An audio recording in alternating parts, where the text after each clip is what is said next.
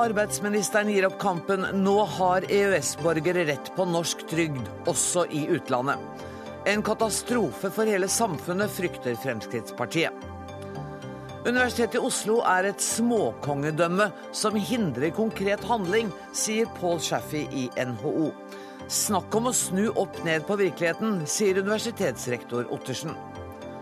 Helsearbeidere har vært hos helseministeren og bedt ham fjerne helseforetakene. Det vil ikke Jonas Gahr Støre, men Høyre liker ideen.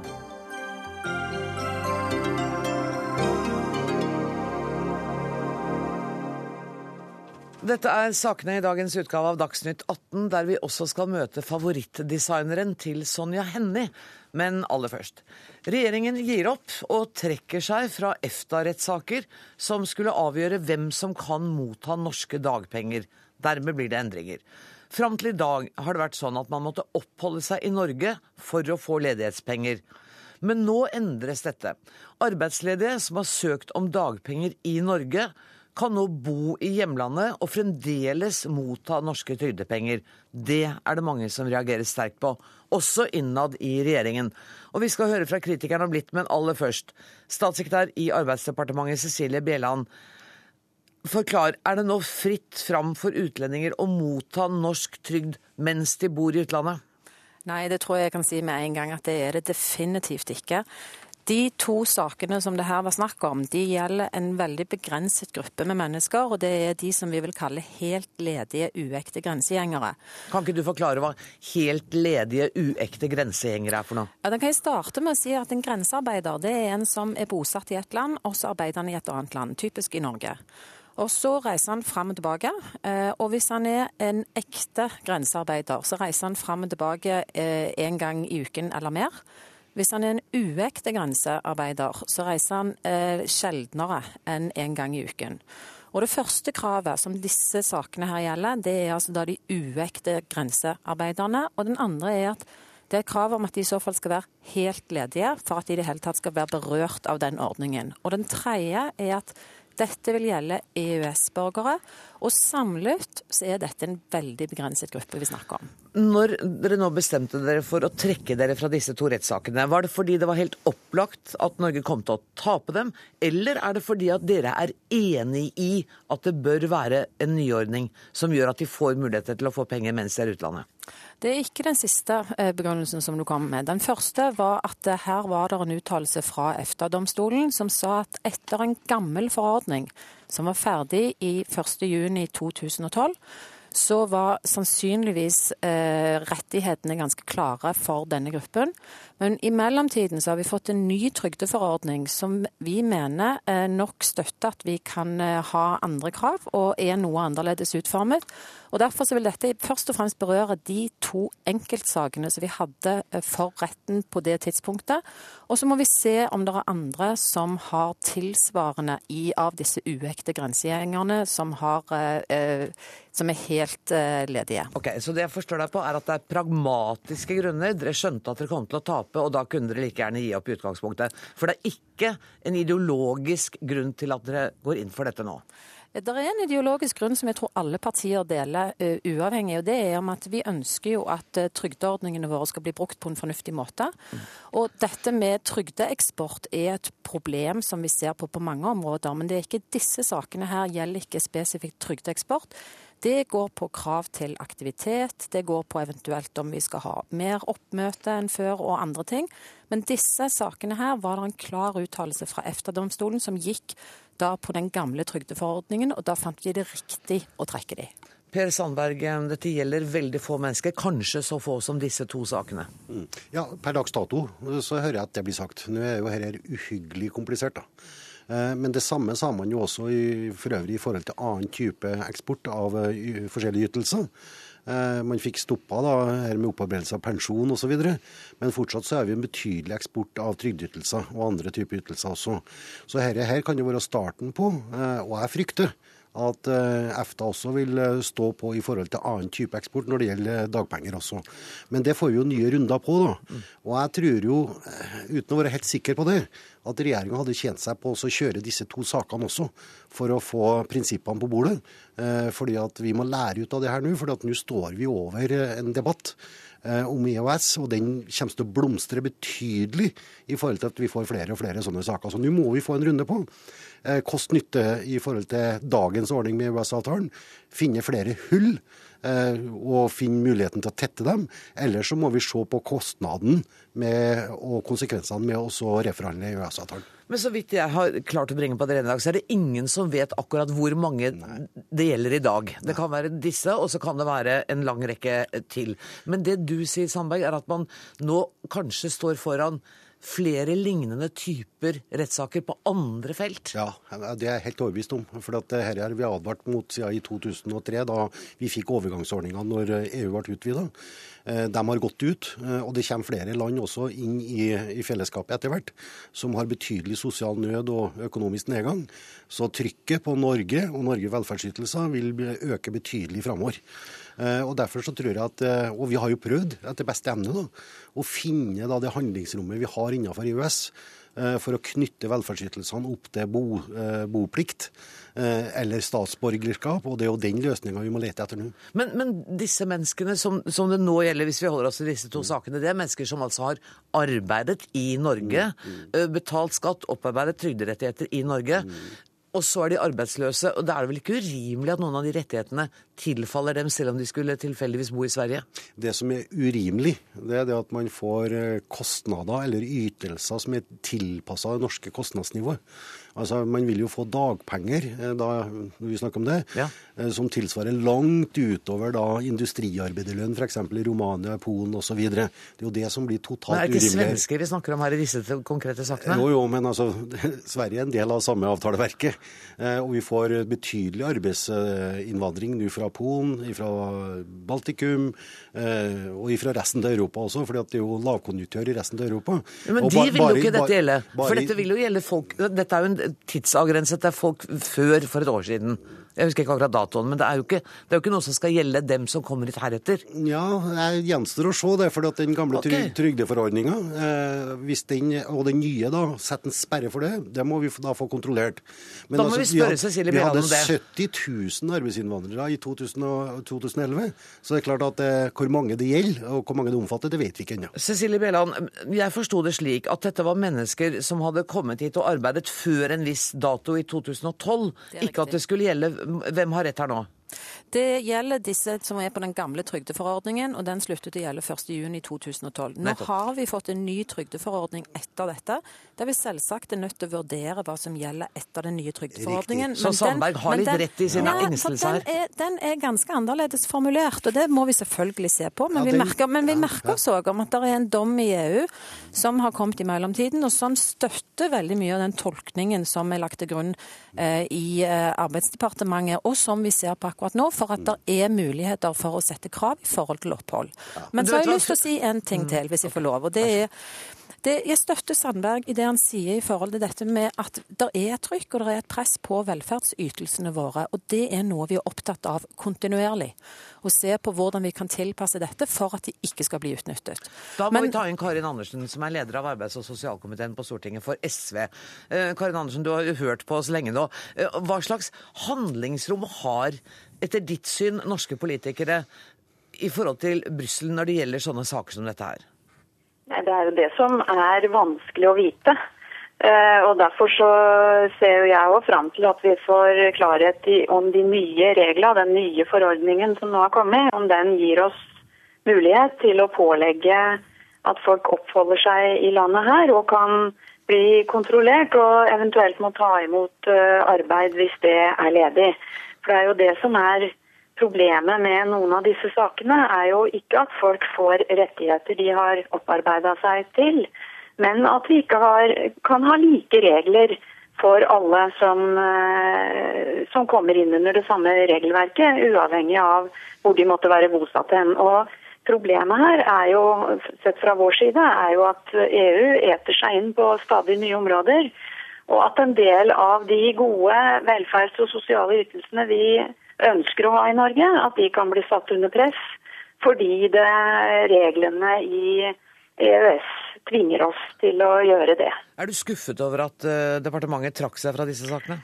Nei, jeg forstår det veldig godt. Det som vi må bruke krefter på nå, er jo å se og få sjekka ut om den nye forordningen gir oss mulighet til å, til å stille de samme kravene til de som blir arbeidsledige, som er uh, såkalte uekte grensegjengere. Det er et forferdelig vanskelig ord. Ja. Men, vi, har fått, vi, har forklart det så godt vi kunne her. Ja, ja men, eh, og, og, det blir interessant. fordi det er viktig for Norge at vi kan gjøre det. Mm, og det er også Andersen... viktig, viktig, for oss at vi kan opprettholde de gode ytelsene uten at de blir satt under press. Og vi har jo noen vi kunne kvitte oss med, f.eks. kontantstøtten.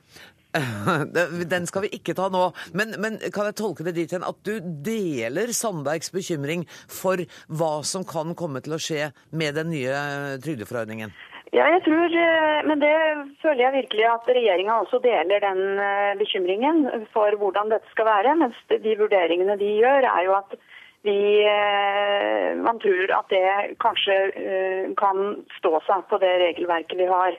Men det som er problemet, er jo liksom når skal vi sette ned foten i forhold til dette regelverket. Vi har det jo på flere av arbeidsområdene når det gjelder arbeidsmiljøloven. Og Sandberg syns at vi skal sette ned foten nå. Vi har det også på disse områdene her, så spørsmålet er jo når er vi villige til å sette ned foten? Og Sandberg er jo med i et parti som har vært veldig for EØS-avtalen, så han har jo også et forklaringsproblem i forhold til det. Hvorfor har han ikke sett dette før? Nei, det er slett ikke et forklaringsproblem i hele tatt. For at hvis noen hadde fortalt det norske folk i 1994 at dette ville bli resultatene av EØS-avtalen, så kan jeg garantere at Fremskrittspartiet hadde stemt imot. Det var ingen eh, som så det her komme når vi gikk inn i denne avtalen. Langt derifra. Det var ingen, ingen som sa til det norske folk at norske folketrygden skulle bli åpen for 430 millioner mennesker i EU. Hadde man sagt det på det tidspunktet, så hadde selvfølgelig det norske folk sagt nei massivt. Men, men jeg er jo enig med Karin Andersen i veldig mye. Mm. Jeg tror at vi er inne i en situasjon nå der at vi må finne eh, konsekvensene. Konsekvensene av å videreføre. Vi må se på denne trygdeforordningen, selv om at jeg tror at hvis den tetter igjen, så har vi fortsatt mange utfordringer. Og det tredje er vi må se på kostnadene og konsekvensene av å reforhandle hele EØS-avtalen. For dette var ikke sånn det skulle være. Jeg tror at, eh, bortsett fra den siste setningen, dette med at vi må følge med og se på konsekvensene av eh, den nye trygdeforordningen, der sa Sandberg noe som alle er enig i, ikke sant Bjelland? Jo, definitivt. Ja, og det går generelt òg, og det går på å vri gjerne mer fra kontantytelser yes. til tjenester istedenfor. F.eks. barnehager istedenfor kontantstøtte. Ja, helt riktig, og det er mitt forslag som ligger i innstilling til, til program for Fremskrittspartiet nå. Vi må bort fra kontantytelser, over på fradrag i skatt og ligning, eller knytte det til bosted. Du, hvilken idyll, altså. Tusen takk for at den, den, andre debatten der skal vi ta ved et annet høve, Cecilie Bjelland. Tusen takk til Cecilie Bjelland, statssekretær Per Sandberg og til Karin Andersen. Hør Dagsnytt 18 når du vil, på nettradio eller som podkast. nrk.no – dagsnytt 18.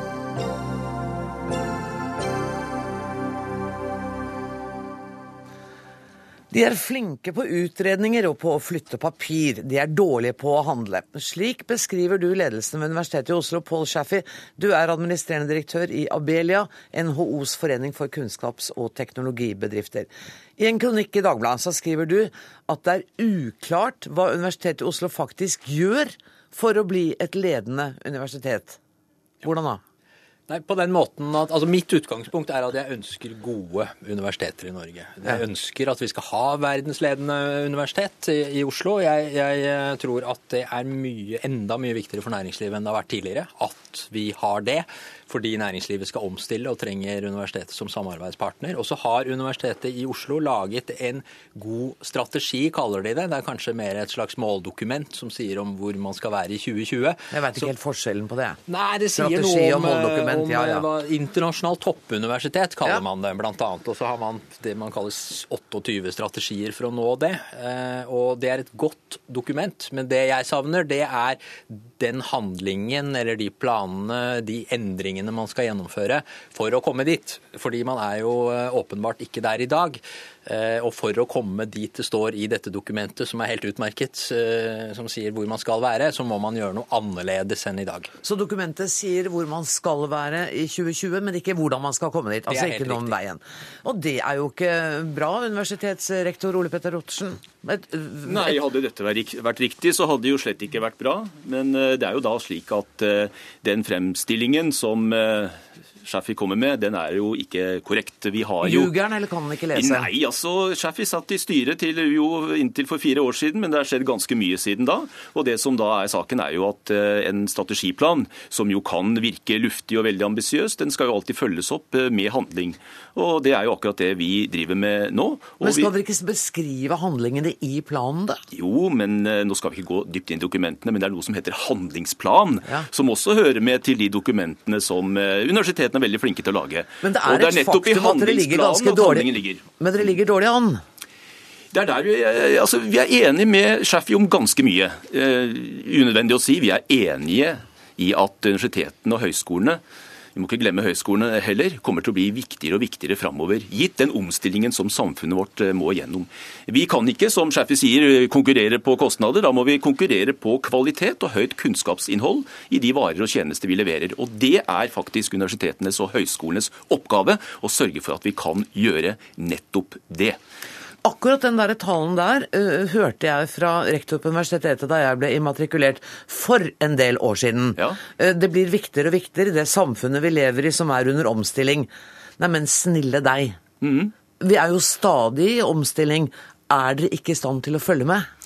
Ja, da er vi tilbake til det premisset som eh, jo vi ikke er enige om. Vi mener jo det at eh, det å sette mer ressurser inn i våre universiteter og høyskoler, det er ikke å bære havre til en død hest, langt derifra. Det som Shaffi gjør i sitt eh, debattinnlegg i Dagbladet, det er det samme som veldig mange gjør ganske så lettvint. og det er at De vurderer da status til et universitet ved å se på disse universitetsrangeringene, som vi elsker å hate. Og ja. der kan jeg få fullføre, så sier da Shaffi at eh, vi er på Universitetet i Oslo nummer 200 blant verdens universiteter. Det han glemmer, er to ting. Det ene er at det er over 10 000 universiteter i verden. Og det andre er at det er mange universitetsrangeringer som måler forskjellige ting. På en av rangeringene så har vi nummer 17 i Europa og nummer 67 i verden. Vi liker ikke å se altfor mye på disse rangeringene, men poenget er det kommer veldig an på hvilken rangering Shaffi og andre ser på. Ja, ikke sant. Og, og, du er like lite glad i det som eh, vi i NRK er i lyttertall og seertall og sånn? Jeg tror det er en viss parallell der. Ja, ikke sant. Mm. Eh, men, men, eh, men, det er jo et faktum da at dere kom på 202.-plass i The Times Higher Education-studien, som ikke er en uvesentlig studie. Mm. Men Shaffi, det at det er 15 000 universiteter i verden, jo, men, men, nå håper jeg rektor ikke sier at uh, vi, det er bra nok, sånn at denne, dette måldokumentet uh, ikke er så farlig om man blir bedre. Altså Utgangspunktet her, tror jeg, for debatten er at vi bør bli enda bedre enn vi er i dag. Det er noe, De kaller det å sikte mot stjernene, og gjerne det. Eh, og da må man gjøre noe eh, med kvaliteten, sånn at den blir enda høyere i dag. Det jeg etterlyser, er i grunnen det enkle svaret på hva er det eh, man har tenkt å gjøre med kvaliteten. Er det noe av det man gjør i dag man ikke har tenkt å gjøre? For å samle ressurser eh, i større grad om noen områder hvor eh, målet er å bli eh, blant de aller beste i verden. Det er noe med spiss og bredde her, og det er noe med å gjøre noen valg. Jeg tror ikke alle universiteter i Norge skal ha samme strategi. Jeg tror det er veldig riktig av Universitetet i Oslo å ha det å være ledende forskningsuniversitet som sin oppgave i dette systemet. Eh, og det jeg etterlyser, er, er, det er på en måte to ting. Det ene er å si hva er det eh, man selv har tenkt å gjøre for å komme dit. Og det andre er å si hvilke rammebetingelser er det samfunnet rundt bør stille, sånn at det blir lettere å komme dit enn eh, det er i dag. Fordi det er ikke opplagt at det er noen enkel jobb å, snu et helt stort universitet rundt. Men, det å tydeliggjøre hva man har tenkt å gjøre selv, det tror jeg er lurt. Og, du mener en er tydeligere prioritering av hva universitetet syns er viktige oppgaver for seg? Er det, går det an å si det så Ja, enkelt? Det er nok også sånn at ikke alt Universitetet i Oslo driver med, er verdensledende forskning. Nei. Eh, og, og da kan det hende at noen av de oppgavene man har tatt på seg, ikke hører hjemme i den hovedstrategien som er å bli aller best på det. Rett og slett fordi det tar for mye tid og ressurser fra, fra, fra hovedoppgaven. Ok, Går det an å liksom være konkret på dette? Er det noe dere bør slutte med? Gjerne det. For det første, vi er helt enige om at eh, vi må bli bedre. Det skulle bare mangle. og Det er jo derfor vi har dette mottoet 'Også vi søker stjerne', som er et herlig motto. For det sier at vi skal ha ambisjoner i eh, akademia. Og det har vi. Eh, Vi gjør masse, og jeg inviterer nå sjefen til å komme tilbake. Jeg tror han har gått glipp av noe de siste fire årene. Han ikke har sittet i styret. Det vi har gjort, er bl.a. å øremerke ganske mye ressurser inn i det som Skjerfi tar opp i sin eh, kronikk eller debattinnlegg, og det er studiekvalitet. Og vi ser at det hjelper. Vi fikk jo nå nettopp en eh, pris for eh, utdanningskvalitet innenfor eh, det vi kaller beregninger i realfagsutdanningen. Et fantastisk prosjekt som virkelig hever kvaliteten, og som knytter utdanning til forskning. Men er det sånn at dere eksempel. kanskje burde sa, si da at da, da satser vi på eh, de uh, fagene, og så kanskje ikke så mye på humaniora? Humaniora er et av de viktigste feltene i et breddeuniversitet. Og det som skjer i universitetene nå, Men nå nærmer vi oss kanskje en diskusjon, for det er ved Breddeuniversitetet du mente ikke at man skulle spisse det mer. Ja, men jeg mener ikke nødvendigvis at det å ikke være bred er at man blir et realfagsuniversitet. Jeg, jeg tenker at den, den ansvaret for å finne ut hvor man har best forutsetninger for å lykkes, det bør universitetene i enda større grad enn i dag ta selv. Innenfor noen rammer som er laget av politikerne, som gjør at man premierer bestemte former for eh, atferd. F.eks. det å bli ledende forskningsuniversitet. Men, men det er jo ingen tvil om at verden også vil trenge samfunnsfag og humanistiske fag. Det er bare det at på ett sted å få til alt på en gang, både i spiss og bredde, det går ikke an. Men vet du hva, nå, jeg tror du ble utnevnt til styret igjen akkurat her nå.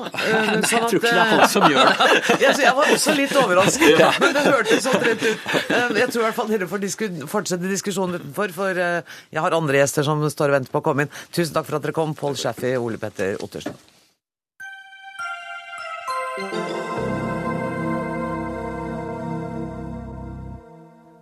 Fjern de regionale helseforetakene. Det var et av budskapene da Helsetjenesteaksjonen møtte helseministeren i dag. Helsetjenesteaksjonen er altså en gruppe av helsearbeidere, pasienter og pårørende som har sett seg lei på overbyråkratisering i helsevesenet.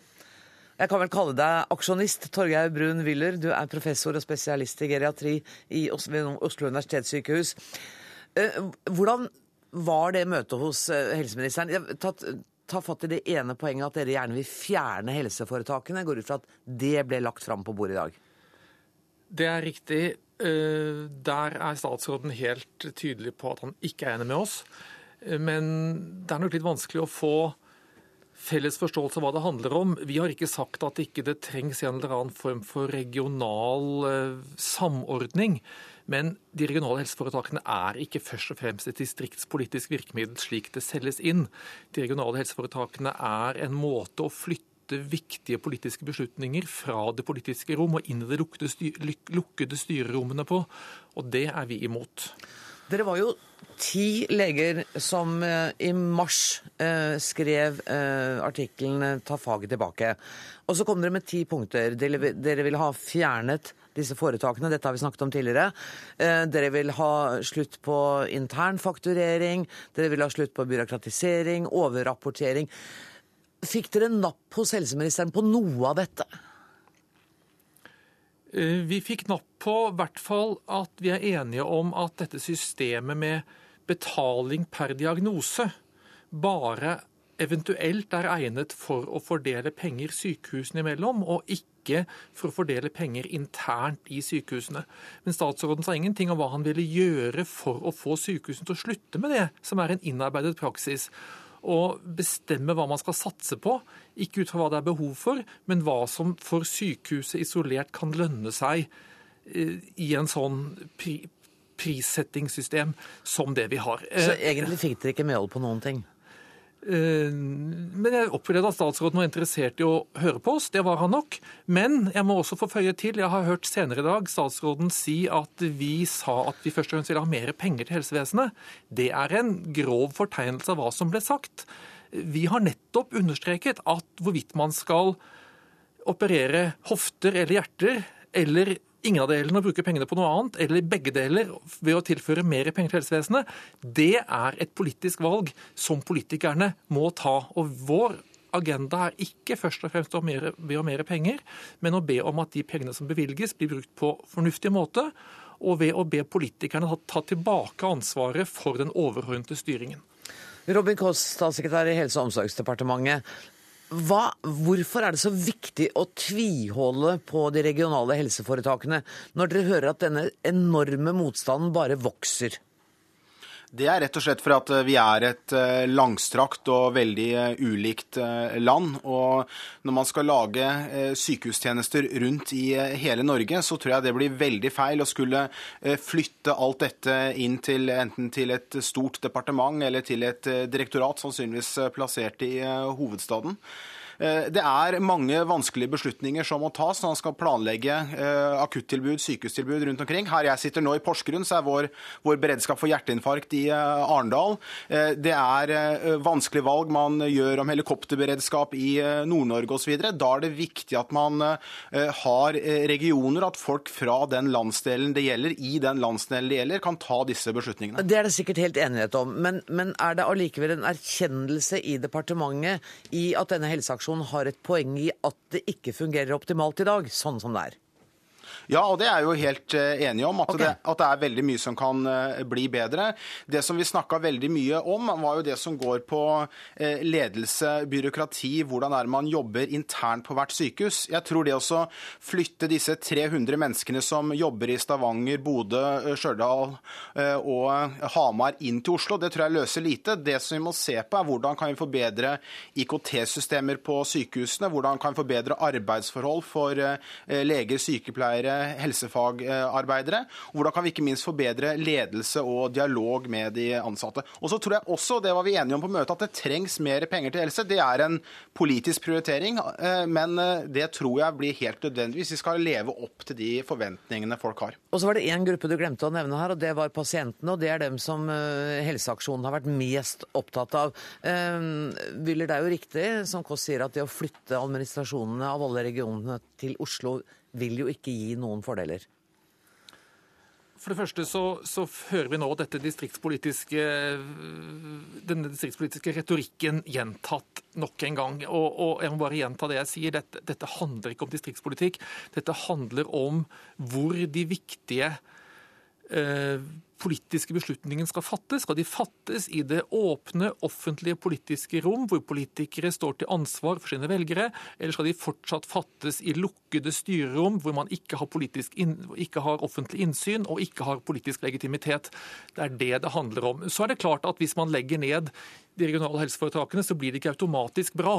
Hvis man på, hvis man flytter den samme eh, lukkethetskulturen inn til ett stort kontor i Helse- og omsorgsdepartementet, som opererer akkurat sånn som de fire ute gjør nå, så blir ikke dette nødvendigvis noe bedre. Så vi sier ikke at det vil løse alle problemer, men vi sier at det er i hvert fall et nødvendig skritt på veien. Men Hva er Peder Smart-løsningen deres, da? Hva foreslår dere konkret? Vi syns det ville være øh, grensene til det arrogante hvis 20 eh, engasjerte helsearbeidere med full jobb ved siden av skulle lage en fiks miks på kjøkkenbenken i løpet av en, eh, av en måneds tid. Vi peker på noen veldig sentrale problemer, peker på noen ting som i hvert fall man må gjøre noe med. Og så må jo nettopp det å finne de gode alternative løsningene, det må jo nettopp bli gjenstand for en ordentlig åpen politisk debatt. Og vi håper jo at den helsepolitiske debatten som sikkert vil komme nå frem mot stortingsvalget, skal handle om viktige og sentrale ting. Eh, og f.eks. hvordan styringsstrukturen skal være, hvordan man skal sikre en politisk legitimitet, hvordan man skal sikre innsyn, hvordan man skal sikre at de viktige politiske beslutningene faktisk fattes av politikere. Det er sentrale spørsmål som må debatteres, og som vi vil bidra til å prøve å tvinge politikerne til å debattere og, og være åpne om sine svar på disse spørsmålene frem mot valget. Ja, og Der er jeg eh, helt eh, enig, og vi har jo gjort nå en eh, rekke lovendringer for å få mer åpenhet. For første gang så hadde vi et felles foretaksmøte for alle regionene. Vi hadde statsrådens sykehustale med hvor så mange som det var plass til kunne komme og høre på. Styremøtene er nå lovfesta skal være åpne. Men jeg er enig med Brun-Wyller i dette fram mot uh, valget, så må vi se på Én ting er hvor mye vi skal bruke på helse, der var vi enige om at vi må bruke mer, men også på hvordan er det vi bruker hver krone. Uh, jeg tror denne tankegangen som man har hatt kanskje i hele uh, Europa de siste 30 årene, om at jo mer pengene følger pasienten, jo bedre, bedre blir det. Det viser erfaringer både i Norge og andre land at sånn er det ikke. Det vi trenger er helhetlig pasientforløp, og så kan vi gjøre veldig mye for å få mindre byråkrati og en enklere hverdag for pasient og leger. Og det haster ganske mye. En tålmodig Bent Høie er med oss på telefonen. Du er leder i helse- og omsorgskomiteen eh, på Stortinget fra Høyre. Dere vil også fjerne helseforetakene om dere kommer til makta valg, etter valget? Ja, Det er jo et av de tingene som jeg er helt enig med helsetjenesteaksjonen om. Vi hadde jo møte med aksjonen i forrige uke, og vi diskuterte mye av de samme, samme problemstillingene. og Det er klart at eh, det er jo det som er nettopp vår innvending òg, at eh, det fattes for mye helsepolitiske beslutninger av eh, folk som ikke er folkevalgte og kan stilles til ansvar med valg. Vi må eh, etter vår oppfatning få en eh, nasjonal helse- og sykehusplan som forankres i Stortinget, som vedtas av Stortinget i full åpenhet. Det åpne politiske diskusjoner. og at Det er det som legger rammeverket for da de lokale helseforetakene, der en har styrer som er nært de ansatte, der de ansatte er representert og som står for daglige, eh, de daglige beslutningene, det å drive disse store institusjonene som våre sykehus er. Og Da vil etter vår oppfatning det regionale nivået være overflødig. Det er et eh, byråkratiserende, unødvendig mellomledd eh, i dag. og oppleves òg som et eh, glavalag for mange av de som jobber i helsevesenet, fordi det blir så mange eh, over de som skal ta, ta beslutninger. Høie, Det er mulig at jeg var ukonsentrert et øyeblikk, men jeg fikk ikke helt klart for meg hvordan dere ser for dere den nye organisasjonsmodellen for sykehusene. Kan ikke du bare gjenta det for meg? Ja, ja Det vil være at en på de lokale eh, sykehusene, altså de lokale helseforetakene, der har en egne styrer som har det reelle ansvar og beslutningsmyndigheten til å drive sykehus innenfor de nasjonale rammene.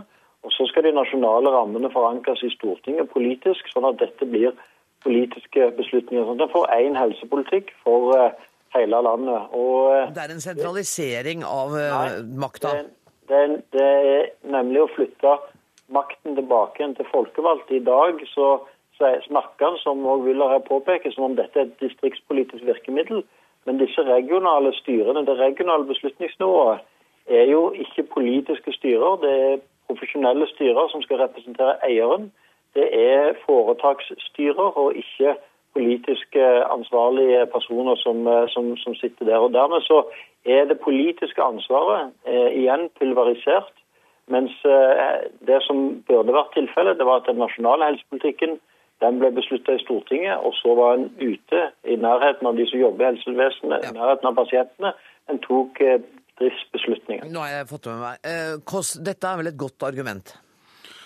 Ja, hvis det var eh, sant, så hadde det jo vært det. Altså, det er jo ikke tvil om at uh, helsepolitikken, sykehuspolitikken, blir vedtatt i Stortinget. Og, og, man trenger ikke ha fulgt mye med på diskusjonene som har vært den siste måneden, på at det er jo en kjempeforskjell på den måten som uh, Høyre ønsker at sykehusene skal uh, drives på, og det som Arbeiderpartiet og vi i flertallsregjeringen ønsker. Og der er det en diskusjon i Stortinget. Det vil også være diskusjoner hvor, hvor mye skal man ta inn av skatter for å få inntekter, hvor mye skal man bruke bruke på helse, hvor mye skal man bruke på andre formål. Ja. Men, men, det som men, men, men, litt spesielt Kåss at dette, hvis det var sant, for jeg har ikke sagt noe som ikke er sant. og Det er jo litt rart at det er jo nå kun Arbeiderpartiet som tviholder på denne modellen. Selv dine kamerater i regjeringen er jo enig i mange av de innvendingene som Høyre har eh, kommet med her.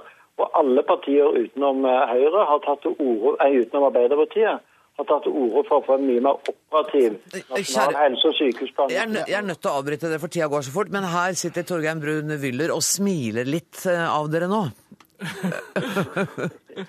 Nei, ja Jeg smiler litt, men, men, eh, jeg har lyst til å si at dette spørsmålet om de regionale helseforetakene er bare ett element av mange. Det som er den grunnleggende bekymringen som ligger bak denne aksjonen, som etter hvert har blitt veldig tverrfaglig, veldig bred tilslutning fra grunnplanet, og som jeg tror vi kan si på mange måter representerer et slags faglig grunnfjell i helsevesenet, det er jo eh, en bekymring for at kombinasjonen av viltvoksende byråkrati og et økonomifokus som føres altfor langt ned på sengekanten, så å si, fjerner de grunnleggende verdiene i helsevesenet som skjer i møte mellom den enkelte pasient og behandler. Mm. Vi skjønner, vi innser at helsevesenet må ha et budsjett, at det må være en økonomisk styring, men økonomifokuset er blitt for sterkt. Og samtidig er detaljstyringen av helsepersonellet og detaljrapporteringen blitt for sterk. Og eh, det viltvoksende byråkratiet har på en måte stjålet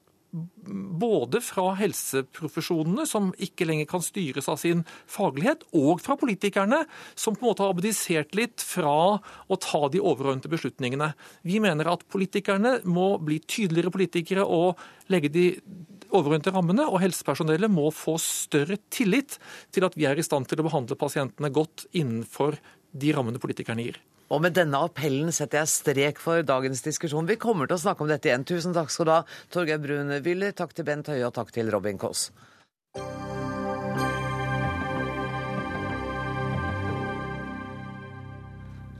De siste ukene har en rekke bilbomber over hele Irak drept og skadd flere titalls mennesker. Den Shia-dominerte regjeringen klarer ikke å demme opp for den voksende misnøyen fra Iraks sunni-befolkning. Midtøsten-korrespondent Sigurd Falkenberg Mikkelsen, eh, du er i Kairo nå, men du har nettopp vært i Irak. Kan du forklare hvorfor det er en oppblomstring av volden akkurat nå? Altså, det er eh, to ting. Eh, for det første så er det stor frustrasjon, som du var inne på, eh, i den sunnimuslimske delen av befolkningen. Det har vært gjennomført en protestbevegelse i store deler av de sunnimuslimske områdene, byer som Fallujah og Ramadi f.eks. Det har stort sett vært fredelig, men det har ikke blitt møtt med noen politiske motsvar fra regjeringen. Så det er en frustrasjon som har bygget seg opp der. Og så øh, øh, utløste eh, hæren eh, en voldelig aksjon i forrige uke, hvor de gikk inn i en av disse protestleirene. og Da fulgte det kamper som drepte i alt over 50 mennesker. Så Det, er den ene biten. Og så, er det den andre biten, som er at Al Qaida i Irak er fortsatt aktive, og at de har intensivert aksjonene sine de siste månedene. Så disse to tingene sammen gjør at situasjonen har blitt veldig eh, eh, farlig eh, og, dødbringende den siste, den siste par uken. Og så har det også da vært et valg oppi det hele, hvor, som ble utsatt da i de sunnimuslimske områdene. Så Al Qaida har klart å bygge seg opp igjen til å bli en maktfaktor, rett og slett sånn som det var? Ja, ikke, eh, de er ikke så sterke som de, eh, som de en gang var, men de er definitivt en, eh, en, maktfaktor. og Dette er også koblet litt opp mot situasjonen i Syria. Lederen for Al Qaida i Irak, Abu Bakr al-Baghdadi, sa jo at Nusra-fronten, som er en av de store opprørsgruppene på syrisk side, og deres gruppe var samme organisasjon. Så de er i stand til å gjennomføre store angrep, men ikke så hyppig som tidligere. Hvem er det som er mål for disse angrepene? Du, du, nevnte jo at det har eh, vært et eh, provinsvalg eh, for ikke lenge siden. Er det politikerne som er hovedmålet? Altså, det er en uh, sammensatt og, og uh, ganske komplisert situasjon. og Det er ikke sånn at alle skillelinjene går mellom shia og uh, sunnimuslimer. Uh, og Vi ser også at det er en del angrep internt på sunnimuslimer som er enten alliert med regjeringen, eller som var med i disse Awakening Council, som det heter på engelsk. De grupper som støttet opp under amerikanerne da de hadde en offensiv i 2006-2007 for å roe ned disse områdene. Sånn at det er en intern makt kamp også på den sunnimuslimske siden, og vi ser det samme, noe av det samme på den sjiamuslimske siden. Sånn at bildet er eh, sammensatt. Tusen takk for at du var med i Dagsnytt 18 i dag, Sigurd Folkenberg Mikkelsen, direktør for Institutt for fredsforskning, Christian Berg Harpviken. Mens Irak har vært preget av militær eh, invasjon og sekterisk vold i over ti år, så har Iran styrket sin posisjon. Hvordan Er det noen påvirkning fra Teheran til Bagdad? Ja, det er klart at det er det. Og det er ingen tvil om at eh, noe av den frustrasjonen vi hører Falkenberg Mikkelsen beskrive her blant eh, Iraks eh, sunnibefolkning, det er en frustrasjon over den økende innflytelsen som Iran har via Maliki-regimet i Bagdad.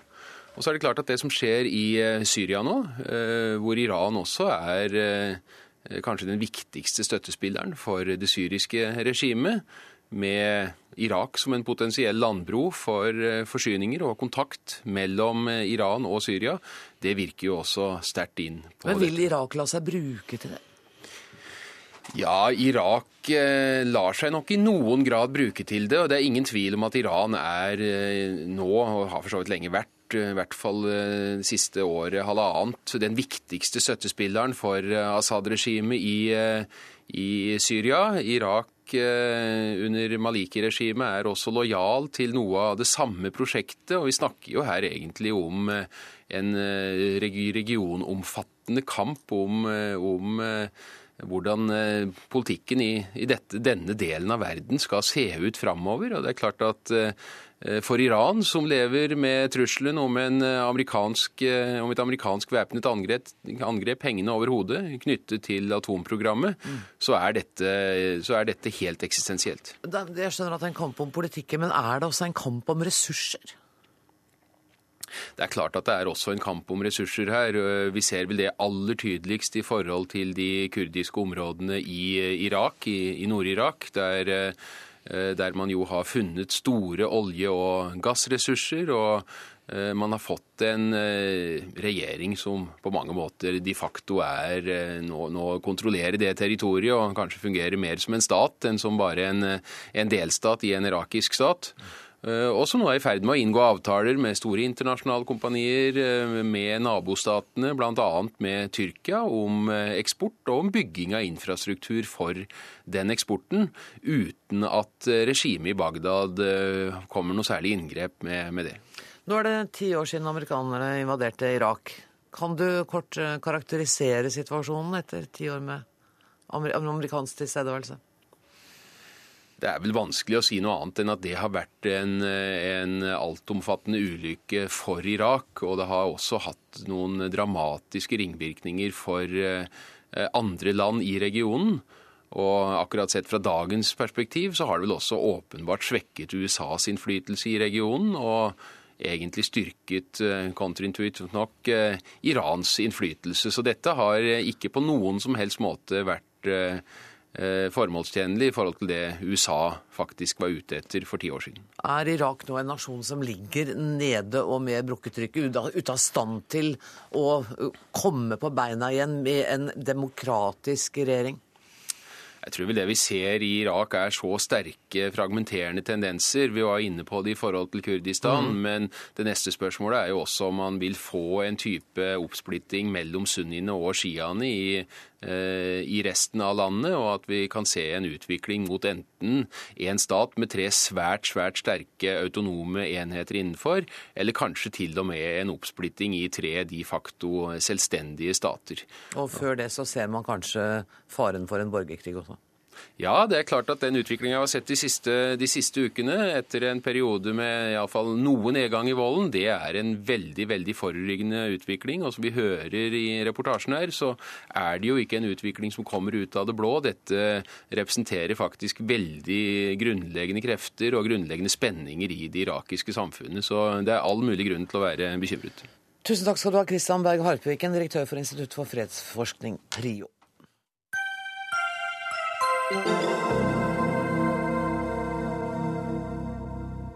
Størrelsen teller, skriver fem av Norges største bistandsorganisasjoner, og oppfordrer Høyre og Fremskrittspartiet til å forplikte seg til å investere 1% av bruttonasjonalinntekten i bistand.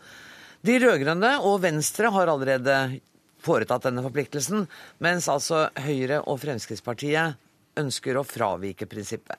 Generalsekretær i Redd Barna Tove Wang, hvorfor er det så viktig med dette 1 %-målet?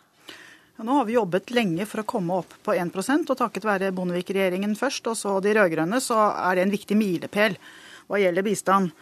Det vi er bekymret for, er at de som trenger mest, får minst. Og vi er i en situasjon hvor veldig mange land kutter i bistand. pga. den økonomiske krisen vi har i verden. Norge er ikke noe økonomisk eh, krise, vi er et av verdens rikeste land. Så vi har råd til å holde minst 1 prosenten. Det betyr faktisk at vi har 99% til oss selv, eh, og det burde holde. Jeg kom akkurat fra Sierra Leone i går, et av verdens absolutt fattigste land, med høy mødredødelighet, og hvor hvert tiende barn eh, ikke ser sin femte fødselsdag.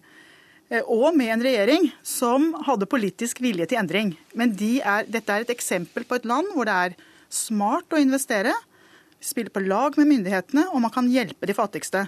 Det er ett av flere eksempler på god bruk av bistand. Det er ingen grunn til å holde mer igjen til oss selv enn 99% Men samtidig Tovak, så er det jo sånn, nå har vi drevet med bistand i over 60 år i dette landet her, eh, og den ene dokumentasjonen etter den andre viser at pengene blir borte underveis. Det er en gammeldags måte å hjelpe folk på.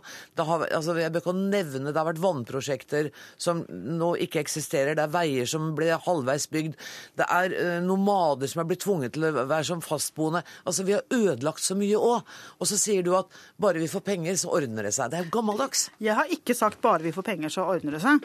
Jeg har jobbet i denne bransjen i 30 år. Bistand er ikke det det var. Man må skjønne den konteksten man jobber i, og man må ta kloke grep der man er. Og når det er i Norge noe som ikke er tilfredsstillende Vi har hatt en debatt her i dag ja. som ikke funker, så sier vi ikke OK, la oss kutte.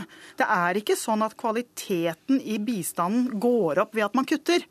Da må man gjøre mer av det som funker, og justere det som ikke funker. Man har ikke lov til å gi opp i forhold til verdens fattigste. Ketil Solvik-Olsen, når noe ikke funker, så bare dropper man det ikke. Da bruker man mer penger på det som faktisk funker. Og bistand funker, likevel vil dere kutte? Vi vil kutte, men vi vil fortsatt gi betydelig sum av det bistand, selv om vi kutter sammenlignet med dagens bevilgning. Med FrPs politikk så hadde Norge fortsatt gitt mer som prosent av BNP enn det Tyskland gjør. Så vi blir ikke et u-land på bistandssida. Hvor, hvor, hadde dere tenkt å sette Er det 0,90% eller? Nei, altså vi syns at det å begynne å diskutere akkurat et prosenttall er litt uvesentlig. fordi det som er viktig for oss, er å sørge for at vi bidrar til å få en utvikling. Altså Alle er tjent med at våre naboer og de som bor langt vekke, er rikere, har det bedre og får velstand lokalt. Det gjør noe med folkestrømninger, det gjør noe med stabilitet mellom landegrenser. Det er bedre å ha varer som krysser grenser enn å ha kanoner som krysser grenser. Mm. Der vi nok har en litt annen tilnærming, det er at vi har mye sterkere tro på at handel og investeringer i næringslivet er viktig, framfor å gi stat-til-stat-bistand, som ofte har vært norsk bistandspolitikk. Men du, hvordan kan handel sørge for at vaksinasjonsprogrammet til ungene blir opprettholdt? Nei, Der har du et godt poeng. og Derfor har Frp sagt at vaksinasjonsprogram og den type ting skal vi skjerme spesielt. På samme måte så skal vi skjerme katastrofehjelp. altså Når uforutsette ting skjer, så kan du ikke si at nå skal vi utvikle handel og næringsliv. Da må du komme når krisen er et faktum. Men det som vi mener en ny regjering må satse mer på, det er å utvikle muligheter for norsk næringsliv til å investere i disse landene. Og så kan gjerne norsk bistand bidra til at det bygges skoler, infrastruktur i de områdene som fasiliterer for bedre handel. Vi mener vi bør redusere tollmurer mot de fattige landene. Det gjøres til dels i dag. Men det vi ikke gjør godt nok, det er å fasilitere, altså legge til rette for at de landene klarer å handle med oss. For én ting er at vi tar vekk barrierer, en annen ting er å bygge opp kunnskap og forståelse om hvordan en utnytter markedene i Norge til å eksportere til Norge. Så det du vil ha er en vinn-vinn-situasjon hvor handelen og vår, vår, vårt engasjement også gir lønnsomhet i Norge? Ja, altså, det, altså, Vi tror at ved å hjelpe nesten å utvikle sine økonomier, så vil du òg klare å imøtekomme altså Da skaper du lokal vekst, lokal velstand. og Hvis du òg klarer å få skattesystemene i disse landene til å funke, det er òg en utfordring for all del, så vil de klare å finansiere sin egen velferdsutvikling. Og så Siste punktet er det at okay, vi tror òg, og det har vi sagt sammen med de andre opposisjonspartiene, oljefondet bør ha en større, eller sette av en del som blir dedikert til å investere i de fattigste landene. I dag så har oljefondet sin investering på minste motstandsvei. Det betyr at New York-børsen, London-børsen er veldig aktuelt. Det å investere i de 50 fattigste landene der markedene fungerer, det vil de ikke fordi det tar for mye tid, for lite kunnskap. Jeg må gi ordet til eh, Petter Gitmark fra Høyre. Dette her er vel musikk i dine ører? Det er vel akkurat sånn dere vil ha det òg? Ja, eh, Det er ingenting av det Ketil Solvik-Olsen har sagt nå som går på viktigheten av handel, investeringer, på økonomisk vekst og arbeidsplasser, jeg er uenig i. Tvert imot. Det er ingenting av det dere er uenig i. i. vi, er, vi er, har en ganske stor forskjell mellom Fremskrittspartiet og Høyre på utviklingspolitikken. For Høyre er det ikke noe mål å kutte i bistand, men bistand for Høyre er bare en veldig liten del av hele utviklingspolitikken. Og jeg tror Ok, vi er men ganske ta, ta bistanden først. i Dere vil ikke kutte i bistanden. Vi har ikke som mål å kutte i bistanden. Så det kan være bistanden. 1 Ja, det kan den absolutt okay. være. Og for vår alternative budsjett i år, så er det kutt på halvannen milliard. Av de så er over halvparten knyttet til skogsatsingen, og det handler om teknikaliteter på når beløpene utbetales. Så det reelle kuttet på bistandssiden for oss er på en 700 millioner kroner for i år, et budsjett på over 30 milliarder. Så bare det for å presisere, det dere er. kan godt se for dere et bistandsbudsjett som er på 1 av brutto nasjonalinntekt. Tolvang, dette her er jo, må jo være bra å høre. Det er akkurat den lovnaden vi ønsker å høre fra Høyre og gjerne også Fremskrittspartiet. Det kommer ikke fra Fremskrittspartiet. Nei, det, det har jeg skjønt. Eh, men, eh, men jeg har bare lyst til å si til dette med økonomisk vekst. Vi er helt enige i at økonomisk vekst er viktig, næringslivssatsing er viktig, skatteinndragning er viktig. Men det vil ta 12-15-20 år før den skatteinndragningen kommer ned til skolesystemer og helsesystemer til de som har det aller verst. Så samtidig som man satser på disse virkemidlene, som er helt riktig, og staten skal ta hovedansvaret der folk bor, så må man evne å ta noen grep som hjelper i dag og i morgen for de som ikke går på skolen. Det er 61 millioner. Det er to millioner kvinner som føder mukk alene hvert eneste år. Og så er det 40 millioner kvinner som føder uten faglært helsearbeider til stede. Sånn kan vi ikke ha det. Da er en solidaritetshandling å gi fra seg 1% Vi har fortsatt 99% til det vi skal gjøre i Norge. Jeg gir ordet til deg, Gitmark, for jeg tror jeg avbrøt deg i sted. Ja, du gjorde det. For jeg mener at vi skal bidra på i størst mulig grad til utvikling. Men ved å ha et prosentmål så skaper vi et problem for oss selv. For da skaper vi et ønske om å telle resultater i kroner og øre gitt, og ikke oppnådde resultater. Jeg ønsker at vi skal ha som mål varig ut av fattigdom, menneskerett, demokrati. Tydelige målsettinger som vi skal være med på nå gjennom hele bredden av norsk utviklingspolitikk. Og Vi får ofte en diskusjon om ting er klassifisert som internasjonalt godkjent bistand på den ene siden, eller ikke. Selv om i noen tilfeller der er det som ikke er bistand som er mest effektivt. Så jeg ønsker et resultatfokus, et fokus på hvordan bidrar hele summen av norsk politikk til at mennesker kan arbeide seg varig ut av fattigdom, og at land og stater beveger seg i riktig retning i forhold til menneskerettigheter og demokrati. Det gjør at Tove Wang og meg er betydelig enig i forhold til sum, for vi skal ha et stort bistandsbudsjett.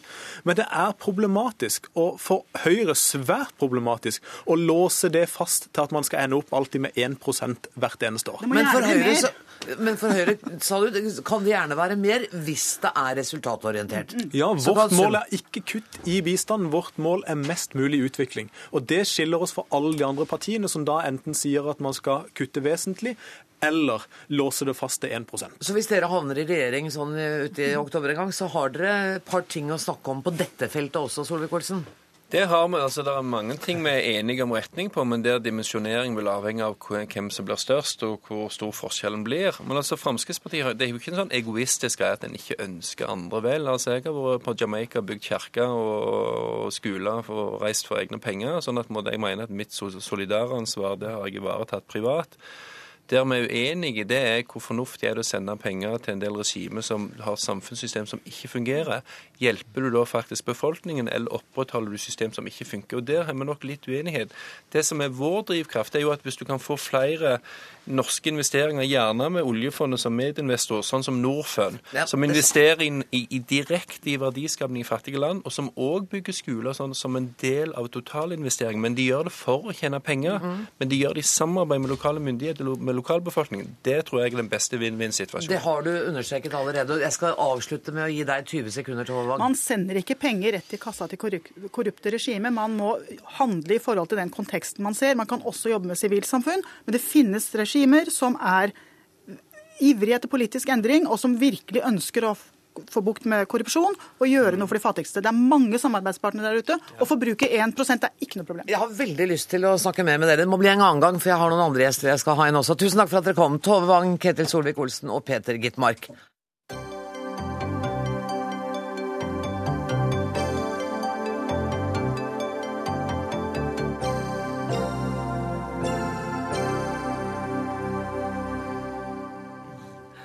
Nå til helgen hylles en av Norges mest markante møbeldesignere i etterkrigstiden med en egen utstilling i Kunstindustrimuseet i Oslo.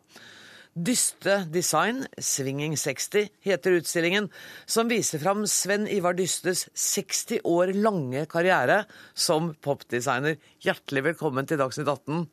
Takk for det. Åssen er det å få sin egen utstilling? Altså, høyst fortjent. Men du er Veldig jo vanskelig å sette ord på, men fantastisk dekker ikke. Og jeg har ikke noe annet ord, men det er bare et, et eventyr. Et eventyr. Altså, du Det går an å si, tror jeg, at du revolusjonerte måten vi oppfattet lenestolen i stua på. Vel, jeg har jo laget ting som akkurat dekker det poenget, men om jeg egentlig revolusjonerte det, vet jeg ikke. Jeg er for beskjeden til å si at jeg har gjort det. Det er akkurat det med deg, og sånn har det vært hver gang jeg har intervjuet deg. Så har du trukket deg liksom på de tingene. Jeg har Nei, ikke sittet i en sånn dyp polstra lenestol siden du skapte din 1001. Ja, og det er det noe i. Den er god. Den er god. Og så var det jo vannstolen i sin tid, som kunne blitt noe hvis ikke jeg var litt for sent ute, for vannsengen var da på vei ut. Og så kom du med vannstolen. Og så kom den vannstolen. Men den fungerte veldig bra, og man satt der godt og varmt, og den hadde en fin mekanikk som jeg skal bygge videre på. Ja, sk- du får du holde på enda. Ja, jeg gjør visst det. Men den vannstolen har jeg aldri sittet i. Men hvorfor gir du deg ikke når du så at den ikke var en suksess da? Det er jo veldig mye. Altså, det er klart at man må for sent den fikk, den fikk dette begrepet vann. Og den, selv om den ble laget med tradisjonell stopning, så var det liksom vannstolen som var tingen, og, det var den, og så var jo den tiden forbi. Dessverre.